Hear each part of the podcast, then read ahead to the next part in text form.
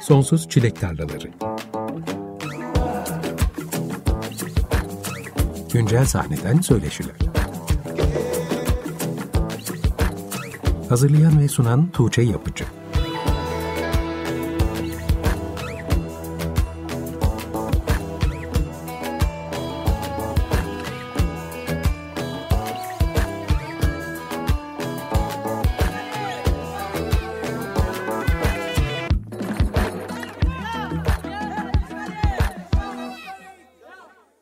95.0 Açık Radyo'da Sonsuz Çilek Tarlaları programından herkese merhaba. Ben Tuğçe Yapıcı. Programa Korhan Futacı'nın 29 Nisan'da yayınlanan Karmaşa'ya Aşina adlı yeni albümünden albümle aynı isim taşıyan parçayla başladık. Bu akşam önümüzdeki bir saat boyunca Korhan Futacı ile yeni albümünü konuşacağız ve albümden bir seçki dinleyeceğiz. Kendisini uzun uzun tanıtma ihtiyacı duymuyorum. Çünkü hem Açık Radyo dinleyicilerinin hem de Türkiye'de müziğe ilgi duyan çoğu dinleyicinin yakından tanıdığı ve ilgiyle takip ettiği bir sanatçı. Hoş geldin Korhan. Hoş bulduk. Merhabalar. Nasılsın? Gayet iyiyim. Sen nasılsın? Ben de iyiyim teşekkür ederim. Seninle Eylül 2021'de bu programda ilk kez buluşmuştuk. Evet. O zaman Shadowboxing albümün yayınlanmıştı. O programda bize üzerinde çalıştığın bu yeni albümün müjdesini de vermiştin ama tam olarak ne zaman yayınlanacağını bilmiyordum. Bir gece ansızın dijital platformlara düştü. Albümden önce hiçbir single yayınlanmamıştı. O yüzden benim gibi çoğu dinleyici için de güzel bir sürpriz olduğunu düşünüyorum. Aslında şimdilerde çoğu sanatçı önden birkaç single yayınlayıp bu yöntemle albümün haberini de yaymayı tercih ediyor. Kendi adım önden birkaç şarkı duymuş olunca benim albüme dair heyecanım biraz eksiliyor. Yeni bir albümle karşı karşıya olduğum hissi de uyanmayabiliyor bende. Çoğu zaman sadece yeni birkaç parça gelmiş gibi hissediyorum. Ama tabiri caizse sen sessiz sedasız ortaya bir bomba bıraktın. Uzun senelerdir beklenen bir albümdü. Bu kadar büyük bir ses dünyası vaat eden bir albümü neden bu kadar sessiz sedasız sunmayı tercih ettin? Tabii sorunun cevabı içinde de olabilir belki. Ya aslında e, senin de söylediğin gibi hani bu bu dönemde yani bir sürü müzisyen işte önden birkaç single yayınlıyor. Hatta albüm haberini veriyor. Hatta albümün içinde çok daha önceden yayınladıkları single'ları da koyuyorlar. Albüm çıktığında görüyoruz ki sadece işte atıyorum 8 parçalık bir albümse bunun sadece 3 tane içinde 3 tane yeni şarkı oluyor albümün. Buna yeni albüm demek zor oluyor. Bence çok doğru bir şey değil. Zor oluyor yani bu biraz böyle Hani artık böyle her şey pazarlamaya döndü, reklama döndü. Hadi bir de bunun bu yöntemini bulduk, keşfettik. Yani doğru bir şey mi bu yani böyle yapmak bilmiyorum bence. Yanlış bir şey. Bana yanlış geliyor yani. Albümse albüm olarak çıkar ve de mümkünse de yani önden de ne bileyim biraz eski usul gibi kalıyor belki ama önden de bir şey duyurtmak istemezsin hatta albümle ilgili. Yani özellikle hiçbir şey duyurtmak sürprizini istemezsin. Kaçırmak Çünkü istemezsin. Sürprizini kaçırır tabii. Onu çıktığı anda büyük bir heyecanla o işte kaç şarkısı onların hepsini peş peşe bir dinlemek istersin ilk defa. Yani o şarkılarla ilk defa karşılaşmak müthiş bir heyecan açıkçası biraz böyle yani yurt dışındaki şey alemlerini de takip ediyorum. Biraz böyle Türkiye'ye has durumlar gibi geliyor bana bunlar. Bu tip şeyler. Yani yurt dışında da yapılıyor ancak Türkiye fazlasıyla bir sayı ülkesine dönüştü bu sosyal medya evet. aleminde. İşte Instagram takipçin işte kaç, Spotify'da kaç dinlendin işte bilmem ne falan filan hani bunlar böyle fazla insanların fazla takıldığı bir şey haline dönüştü. Daha biraz önce bir arkadaşım, müzisyen bir arkadaşımla konuşuyorduk. Yani böyle hani bizim takip ettiğimiz, çok sevdiğimiz, dünya ünlü birçok müzisyenin Instagram'daki takipçilerine bakıyorsun. 2000 takipçisi var, 3000 takipçisi falan var. Evet öyle. Yani hatta Nick Cave ilk defa Instagram hesabı açtığında ben takip etmeye başlamıştım onu. O kadar uzun süre böyle 3000 4000 takipçide takıldı ki yani böyle ve senelerce diyebilirim. Yani çok uzun süre. Yani işte hani bu rakamlar işte bu PR hareketleri e, açıkçası işte bir sürü bu piyasanın içinden insan da bana dedi ki abi önden sen işte en azından 3 tane single yayınla. Niye ki diyorum. Hı hı. Yani hazır bitmiş bir albüm. Yani ben bunları teker teker yayınlayacağım. Ne olacak işte 3 ayda 4 ayda PR'ından faydalanın. Ya istemiyorum dedim yani böyle bir şey. Ben bu albümü kaydetmişim. Şey gibi cimri gibi şey yapacağım. işte önden bir tane al bakalım bir dinle falan. Sonra bir tane daha. Hadi al bir de bunu dinle bakalım. Albüm gelecek falan. Bu böyle bir şey gibi ya. Ya yapmışsın, kaydetmişsin, bitirmişsin, yayınla gitsin ya ne oluyor? Yani biraz bu şeye güvenmek gerekiyor. Yaptığın işin arkasında durabiliyor olmak lazım. Yani bunlar böyle Hani bu albüm yapıldı. İşte böyle 3 ay 4 ay dinlendi ondan sonra modası geçti süresi geçti gibi bir şey değil ki. Bu albümler evladilik duruyor bunlar. Yani senle beraber bunlar da yaşıyor yayılıyor yayılıyor yayılıyor ve bu yayılmalar bir süre alıyor. E, hatta yani bir anda falan olup işte böyle çok dinlendi bilmem ne oldu falan durumuna geçip de ondan sonra e, aynı hızla bitiyor. Evet 3-5 ay sonra esamesinin okunmaması beni daha çok üzer açıkçası. Hani şu an bir sürü pop müzikte falan filan şunda bunları rastladığımız durum. Yani böyle bir şey çok daha korkunç bir durum bence. Evet. O yüzden de yapılan işin arkasında durup albüm albüm işte yayınladık bitti işte insanlar dinlesin zevkle dinlesinler yani. Belki bugün keşfetmeyecek. Aradan aylar geçtikten sonra, yıllar tabii, geçtikten sonra tabii keşfedecek. Tabii. Hiç sorun yok benim açımdan. Peki yepyeni 8 parçadan oluşan bir albüm tek seferde yayınlamak dinleyicilerinde nasıl bir etki yarattı? Hiç gözlemleme şansı bulabildin mi? Aslında bir sürü insan senin söylediğin şeyi söyledi. Hani şok geçirdik. Bir anda 8 yeni şarkıyla karşılaştık. ee, açıkçası herkes çok olumlu, çok pozitif şeyler söyledi. Tepkiler verdi. Çok da mutlu oldum. Özlediğimiz evet, bir şeydi gibi evet, belki yani de. İnsanların özlediği bir şey hakikaten. Bir albümle karşılaşmak. Epey zamandır da hani sözlü şarkılarımla oluşan bir albüm yayınlamamıştım. O yüzden de tek böyle single'ların benim dinleyicilerimi de beni din, takip eden insanları doyurmayacağını da hissediyordum. O yüzden zaten albüm şeklinde yayınladım. Herkes teşekkür etti açıkçası böyle bir hareket sonucunda. Geçen yıl Eylül ayında yayınladığın Shadowboxing büyük ölçüde enstrümantal bir albümdü ama dinleyicilerin senin sesini de yeni şarkılarda duymayı çok özlemişlerdi. Albüm çıktıktan sonraki reaksiyonlardan da bunu gözlemleme şansı bulabildim. Aslında 7 ay arayla iki yeni albüm duyduk senden ama sözlü şarkı formunda değerlendirirsek 2012'den beri ilk albümünde evet, denebilir. Arada birkaç single mı olmuştu? Evet, evet. Seninle son görüştüğümüzden beri bu albüm hangi aşamalardan geçti Korhan? Biraz arayı kapatarak başlayalım istersen. Aslında bu albümü ben e, neredeyse tam bir sene önce kaydetmeye başladım. Evet tam bir sene önce prova seanslarımız başlamıştı bu albümle ilgili. Ben bu 8 parçayı belirlemiştim kafamda zaten. Düzenlemeleriyle alakalı da zaten Burak Irmak'la beraber bir ön çalışmalarını yapmıştık. E, elimizde demolar mevcuttu, irili ufaklı. Daha sonra aslında kafamızda bayağı netti provalara başlarken. Ne, yap, ne yapmak istediğim benim bayağı netti. Ve provalarda da şeyin kararını aldık. Hani klik kullanmak diye bir durum var işte hani böyle. Bilgisayardan bir klik geliyor, onun üzerine çalıyorsunuz. Asla klik kullanmayacağız dedik. Full organik yapıda bir şey olacak, olsun istedik.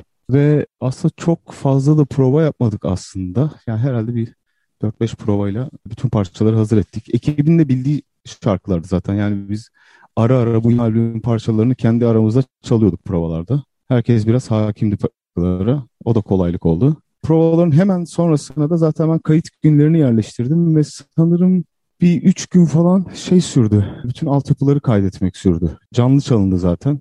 Davul bas, keyboardlar. Daha sonrasında bir iki ufak keyboard eklemesi yaptık. Vokallerin bazılarını sonradan üzerine kaydettim. İşte pek vokaller kaydedildi. Bir iki arkadaşım işi renklendirmek adına kaydın üzerine bir iki enstrüman bir şeyler çaldılar. Böyle bir süreçti aslında şey biraz sürdü. Yani bu kayıtların olmasından yani bir sene geçmesi arada bir takım başka projelerle de uğraştım. Bir takım işte film müzikleri falanlar girdi araya. Biraz onların bunu falan filan derken sonra tekrar kafayı toplayıp işte mixlerine daldık albümün. Mix süreci sonra daha sonra mastering süreci derken bu tarihe denk geldi yani. Seninle geçen programda da konuşmuştuk. Canlı çaldığımızda ortaya çıkan şey kayda aslında hiçbir zaman tam olarak yansımıyor demiştin. Bu albümde sanki onu mümkün olduğunca yansıtmaya çalışmışsınız gibi hissediyorum. Aslında bütün amacım bu albümde sanki bizim konserimize gelmişler ve konser seyrediyorlar. Yani dinleyen kişi bizim konserimize tanıklık ediyormuş gibi bir his yaratmaktı. Aslında daha önceki albümlerinde hep buna uğraştım. Yani stüdyo albümü fikrini ve sound'unu aslında çok fazla sevmiyorum. O canlı hisse en yakın neyse peşinde oluyorum her zaman. Peki bu albümün künyesinde Burak Irmak dışında hangi isimler yer alıyor? Ee, bas gitarda Ferrin Kaya var. Davullar ve zillerde Berkan Tilaver var. Bir parçada Büyük Ev Abluka'da da çalan Utku gitarla eşlik etti eşek şarkısında. Back vokallerde iki parçada Senem Demircioğlu eşlik etti. Bir parçada da Gazapizm'in Gazapizm'le bir düetimiz var. Evet onu da bu akşam dinleyeceğiz. Birazdan ondan da bahsederiz. hem kayıtlarımızı yapan hem mixlerimizi yapan Kıvılcım bir Karmaşa'ya aşina biraz önce dinlediğimiz Karmaşa'ya aşina parçasında trompet üfledi. Barış Ertürk bariton saksafonlar çaldı. Böyle bir ekip. Epey geniş bir kadro var evet. Shadowboxing'in pandemi dönemindeki ruh halinle gölge boksu arasında paralellik kuran bir albüm olduğunu konuşmuştuk. Karmaşa Aşina'da pandemi döneminde ürettiğim parçalardan mı oluşuyor yoksa yıllardır heybende biriktirdiğim parçaları mı dinliyoruz? Evet, karışık aslında. Mesela Karmaşa Aşina epey önce yazdığı bir parçaydı. Seneler evvel yazmıştım o parçayı. Eşek şarkısı da keza epey önce yazdığım bir şarkıydı. Hatta vegan olmadan önce yazmıştım bu şarkıyı. Ve aslında o kafamdaki çelişkileri biraz dile getirmiştim o şarkıyla. E, hayvanları bu kadar seven biriyim ama niye hala soframda, tavamda bir hayvanın eti var ve onu hala yiyorum? Ölümünden ben ne kadar sorumluyum? Tükettiğim için, ölümünü bizzat kendi ellerimle gerçekleştirmediğim için masum muyum? gibi sorular hep kafamdaydı ve onunla ilgili olarak da bu eşek şarkısını aslında yazmıştım. Özellikle de eşek üzerinden gitmek istemiştim. Çünkü şimdi eşek eti normalde tüketilmeyen bir gıda insanlar için. Fakat hani hep duyduğumuz bir hikaye vardır. Bu işlemiş et üreten bir takım firmaların, büyük firmaların bile içeriklerine eşek eti koyduklarına dair. Hı hı. Ee, yani hem illegal bir durum var ortada. İnsanlara söylenen bir yalan var. Hem de kendisi bir canlı. Duyguları, ruhu olan bir canlı. Özellikle o yüzden eşek eşek hayvanını seçmiştim bu hikayeyi anlatırken. O da eski parçalardan biriydi. Şimdi düşünüyorum albümü. Bam Bam tamamen yeni bir şarkı. Ah ederek, vah ederek sözlerini Onur Ünlü'nün yazdığı bir şarkı. Yönetmen Onur Ünlü'nün. Kendisi aynı zamanda çok sevdiğim bir şairdir. Onun bir tane dizisi için bir şarkı gerekiyordu aslında ve çok kısa bir zaman vardı önümüzde o diziye o şarkıyı kaydedip koyabilmek için. O dönem benden bir tane şarkı istedi. Ben de e, abi yani bu kadar kısa sürede bir söz yazmam şu an imkansız. Yani bir gece gibi bir vakit, vakit vardı o şarkıyı yapmak için.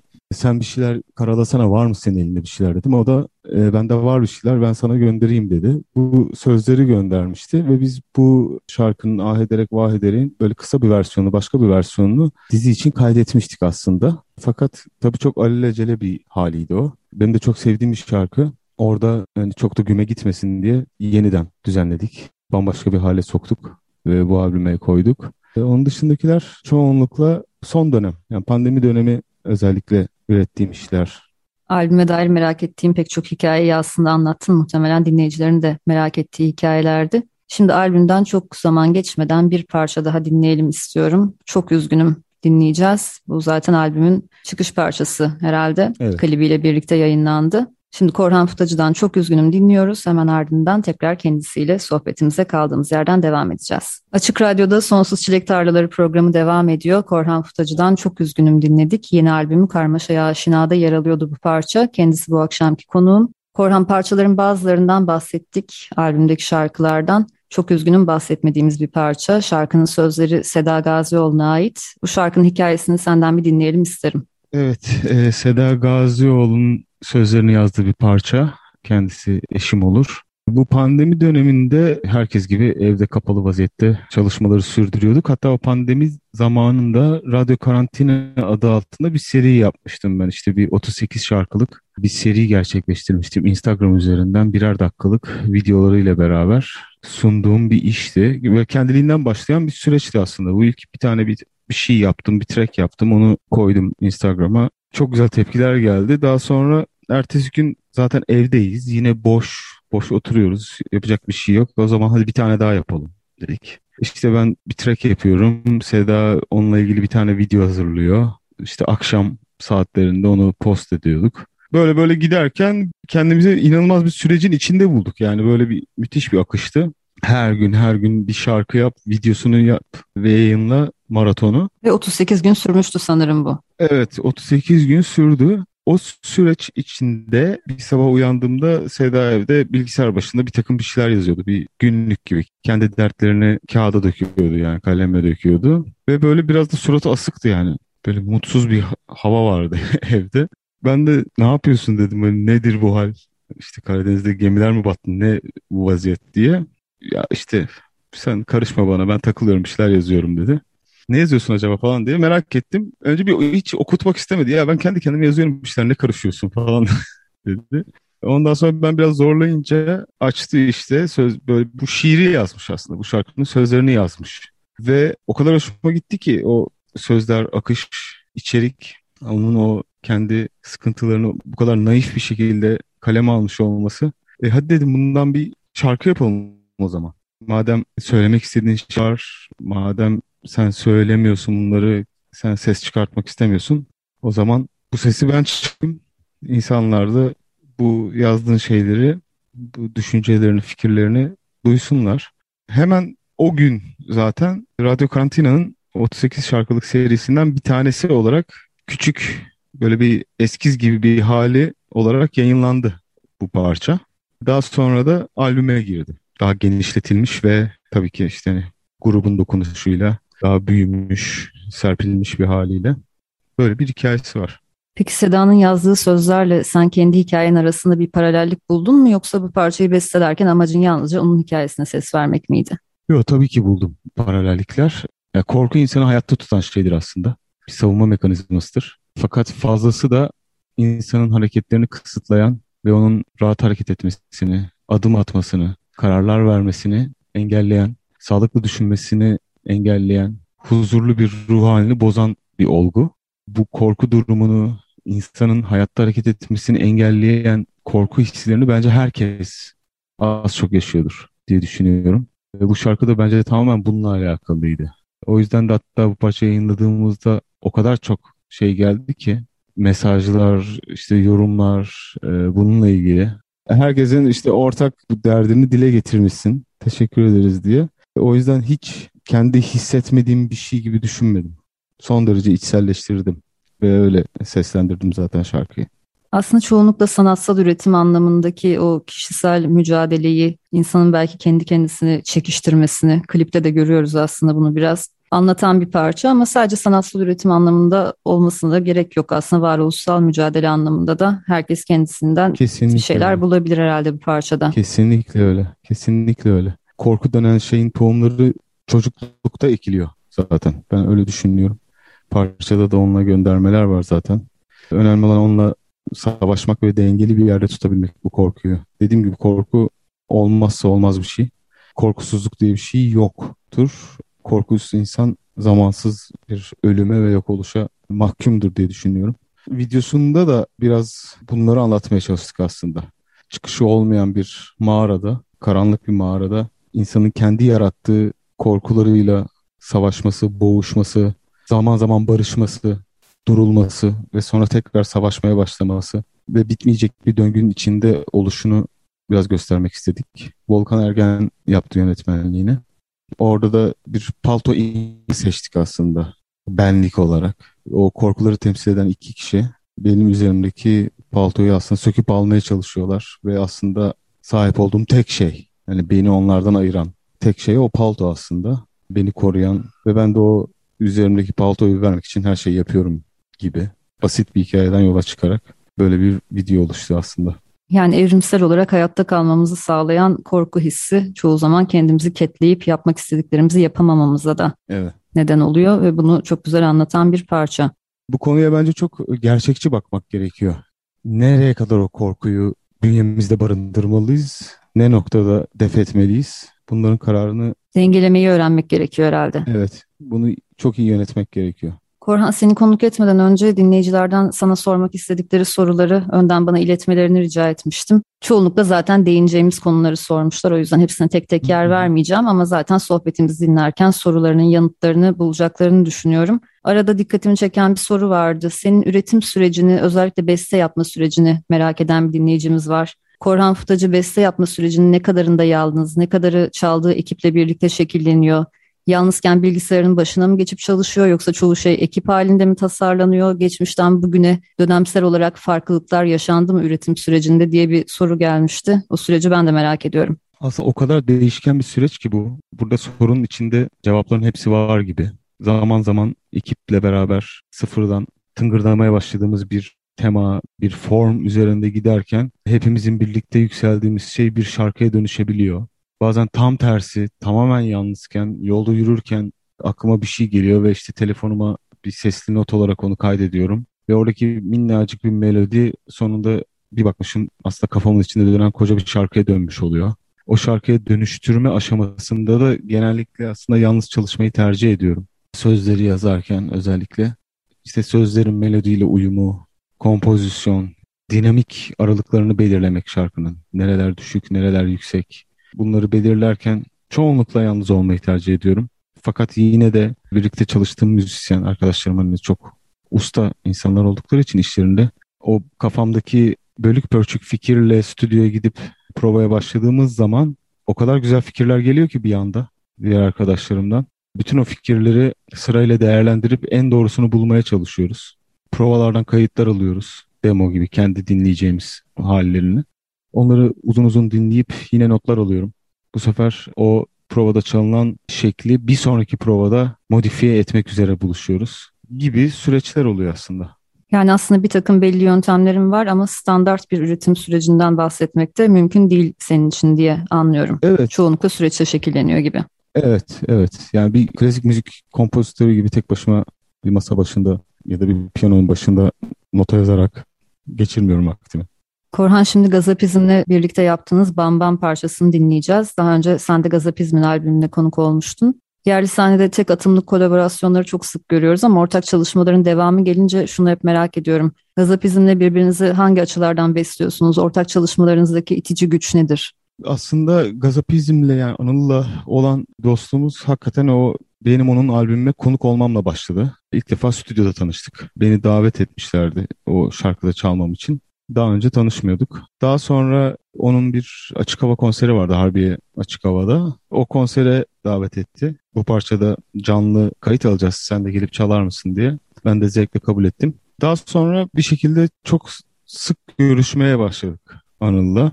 Onun İzmir'den İstanbul'a yerleşmesi, burada kendi stüdyosunu açması sonrasında gerçekten çok sık görüşmeye başladık ve çok yakın dost haline geldik. Ve sürekli olarak birbirimizle müzikal fikirlerimizi paylaşır hale geldik. Hep birbirimize yeni demolarımızı gönderiyoruz. Ben onun fikrini alıyorum. O bir takım şeyler gönderiyor. Ben naçizane bir takım fikirler söylüyorum. Beraber müzikler dinliyoruz. Dünyada yapılmış işlere bakıyoruz. Böyle keyifli bir paylaşım. O yüzden bu Bam Bam şarkısındaki birliktelik de son derece doğal ve kendiliğinden gelişti. Ben aslında başka bir parça vardı. Onunla ilgili düşünüyordum. Belki Anıl buna bir şeyler söylemek ister diye. Daha sonra albümü birlikte dinlerken o albüm demolarını dinlerken bu şarkının aslında ona çok daha fazla uyduğunu söyledi. Hiç ikiletmeden tamam abi o zaman bunu yapalım dedim. O biraz çalıştı üzerine. Sözlerini yazdı ve bir iki deneme yaptık. Daha sonra kaydetti ve bu parça çıktı böylece ortaya. O zaman şimdi Korhan Fıtacı'nın Karmaşa'ya Aşina albümünden iki parça birbiri ardına dinleyeceğiz. İlki Bam Bam, Gazapizm'le birlikte yaptıkları parça. Diğeri de Ah ederek vah ederek bu parçadan programın ilk bölümünde Korhan bahsetmişti. Sözleri Onur Ünlü'ye ait. Hemen ardından tekrar sohbetimize devam edeceğiz. Açık Radyo'da Sonsuz Çilek Tarlaları programı devam ediyor. İki parça birbiri ardına dinledik. Korhan Futacı'nın Karmaşa'ya Aşina albümünden Gazapizm'le birlikte yaptıkları Bam Bam parçası ve hemen ardından da ah ederek vah ederek geldi. Korhan Futacı bu akşamki konuğum. Şimdi sohbetimize kaldığımız yerden devam ediyoruz. Korhan pandemi dönemi sıkışmışlığını ve sonrasında sahnelere geri dönüşün sanatçılar üzerindeki etkilerini programda sık sık konuşuyoruz. İki döneme dair de herkesin farklı süreçlerden geçtiğini görüyorum ve bu kişisel anlatıları kayda geçirmeye önem veriyorum. Çünkü belki de 10 yıl sonra tam olarak neler yaşadığımızı ayrıntılarıyla hatırlamayacağız. Bu programda kayda geçirdiğimiz kişisel anlatılar birbirinden çok farklı ama dikkatimi çeken bir şey var. Her ne kadar herkes farklı buhranlarla boğuşsa da çoğunlukla pandeminin ilk dönemlerindeki izolasyon halinin üretkenliklerine olumlu etki ettiğini söylüyor sanatçılar. Pandemi sonrasında tekrar sahnelere dönmek sana nasıl hissettirdi ve üretimle olan ilişkini nasıl etkiledi? Ee, gerçekten de aslında ilk kapanma dönemi. Kapanmanın tamamı aslında benim için oldukça yaratıcı geçti. Gerçekten uzun zamandır bu kadar kendime ayıracak, kafamdakileri üretmeye, ortaya dökmeye ayıracak vakti bulamadığımı fark ettim. Sürekli bir konser koşturmacası, sosyal hayat koşturmacası. O kadar hızlı gidiyordu ki durup da bir tane şarkının işte yarım kalmış sözlerini tamamlamak için gereken zamanı bulamadığımı fark ettim o dönemde. Ve son derece üretici bir dönem geçirdim diyebilirim pandemide. İşin stresi, sağlıklı olan kısmı haricinde işte hani yakınlarımızın işte rahatsızlanması, işte onların yarattığı stresler haricinde işte yaşanılan kayıplar dışında tabii ki böyle bir şey yönü oldu. Pozitif bir yönü oldu diyebilirim. Pandeminin bitişinden itibaren de aslında sahnelerin başlaması da bir şekilde biraz daha farklı bir enerjiyle yürüyor diye düşünüyorum işler şu anda. Biraz da aslında kıymetini anladık tabii. Konser yapabiliyor olmanın, sahneye çıkabiliyor olmanın ne kadar değerli şeyler olduğunu çok daha iyi anladık. O yüzden de her konserin böyle çok daha tadını çıkartıyorum diyebilirim. Ve bir şekilde çok daha sakin ve daha dingin bir enerjiyle bu konserleri verdiğini düşünüyorum. Seyircide pandemi öncesine göre çeşitli farklılıklar gözlemliyor musun? Bence aynı şeyi onlar da hissediyor diye düşünüyorum. Yani onlar da e, canlı müzik dinlemenin ne kadar değerli bir şey olduğunu bence tekrar bir hatırladılar. Bunun ne kadar kıymetli bir şey olduğunu. O yüzden de seyircide de o sahnedeki sanatçıya daha fazla destek verme, daha fazla ses çıkartma, daha fazla tepki gösterme eğiliminde şu anda. Ben öyle düşünüyorum. Biraz da o yönde bir gidiş var sanki. Belki herkes kaybettiği bir şeyi tekrar bulmuş gibi hissediyor kendisini. Olabilir, evet. Albüme ismini veren Karmaşa'ya aşina parçasının ilhamını İstanbul'dan aldığını okumuştum bir röportajında. Yalnızca bu parçaya mı ilham kaynağı oldu İstanbul yoksa tüm albümün arka planını oluşturduğunu söylemek mümkün mü? Ee, kesinlikle bütün albüme bir yardım ve yataklıkta bulunuyor bence İstanbul. ee, ya İstanbul'un kaosu, güzelliği, çirkinliği, keşmekeşi, her şeyi bu şehirde yaşayan bir, bir müzisyeni, bir sanatçıyı zaten derinden etkiliyor diye düşünüyorum. Yani ondan kaçış yok. Yani İstanbul'da yaşayıp da pastoral bir iş ortaya koymak çok mümkün değil diye düşünüyorum zaten. Ya tamamen kendini eve kapatman ve başka bir ruh halinde yaşaman lazım.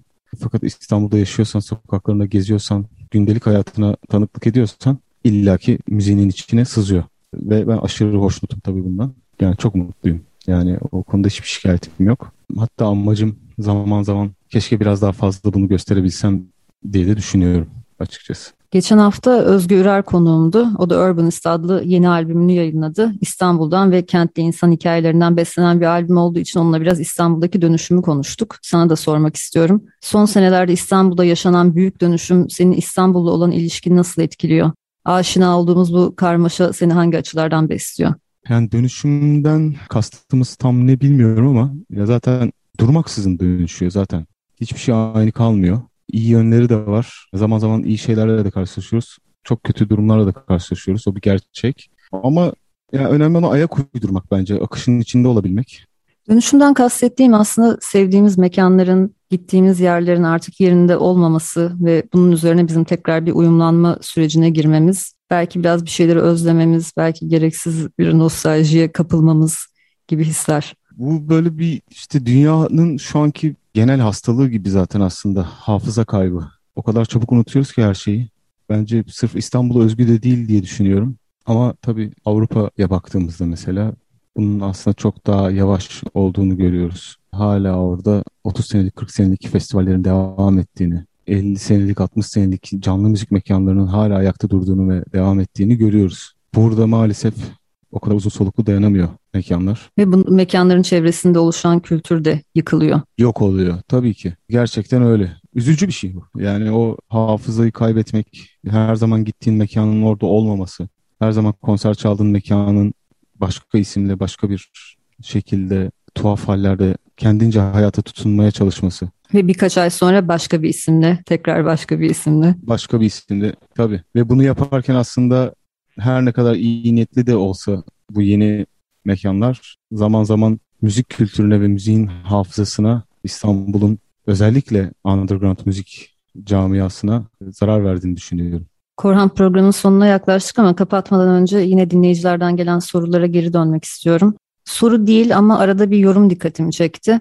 Yerli sahnede gerçek anlamda bir sanatçı gibi yaşayan, yalnızca sanatıyla var olan bildiğim tek müzisyen Korhan Futacı demişti birisi. Sanatçı olmanın ne anlama geldiği, kime sanatçı denebileceği benim üzerine çok düşündüğüm bir konu. Şimdi bu meseleyi senin üzerinden konuşmayalım çünkü bu sana kendini rahat hissettirmeyebilir. Ama biraz daha genel anlamıyla ele alabiliriz diye düşündüm. O yüzden biraz önce ben düşüncelerimi paylaşmak istiyorum. Sonra da senin fikirlerini duymak isterim. Muhtemelen senin de üzerinde düşündüğün bir konudur. Ben herhangi bir sanatsal üretim paylaşan herkes için sanatçı kelimesini imtina etmeden kullanıyorum. Çünkü sanatçılığın bir kavram olarak kutsallaştırılmasının aslında ironik bir şekilde kavramın içini boşalttığını düşünüyorum. Bugün bir dijital platforma bir kayıt, bir eser yükleyen herkes oralarda sanatçı kategorisine giriyor. Sanatsal üretim yapan kişilerin kendilerini sanatçı olarak adlandırmalarında da bir beis görmüyorum. Çünkü bu sıfatın bir takım otoriteler tarafından bahşedilmesinin daha başka sorunlara, çeşitli suistimallere yol açtığını tarihte gördük. O yüzden bir de bu yöntemi deneyelim ve nereye varacağını görelim diye düşünüyorum. Her isteyen kendisine sanatçı diyebilir bence bir sorun yok. Çünkü eninde sonunda zaten kimin kalıcı olacağını zaman gösteriyor. Ama bir yandan da kimin sanatçı olduğu konusu üzerinde bir türlü mutabakat sağlanamayan, dönemlere göre farklılık gösteren ve sürekli sorgulanan bir mesele. Sana dair az önce bahsettiğim bu dinleyici yorumu da bana şunu merak ettirdi. Sence sanatçı kimdir ve sanatçının sanatçı olduğuna kim karar verir? gerçekten karışık bir konu bu. Yani evet.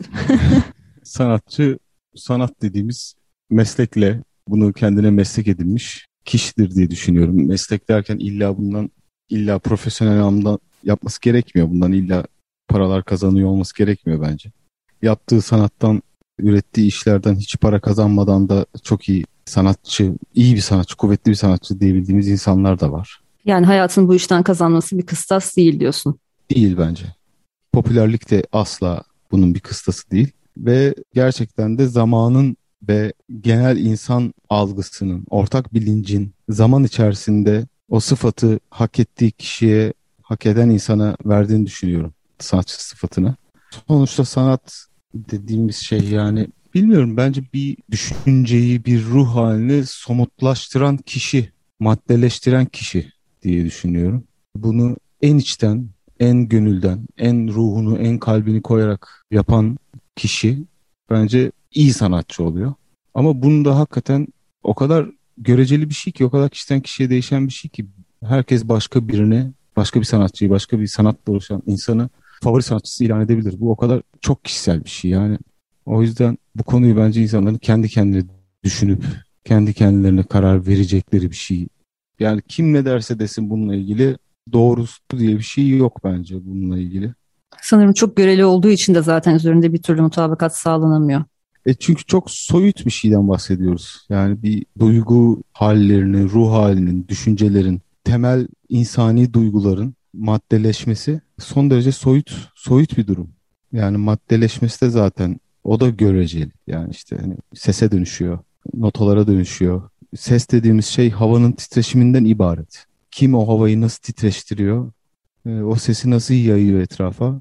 Kimin kulağı bunu nasıl duyuyor? O kadar göreceli durumlar ki.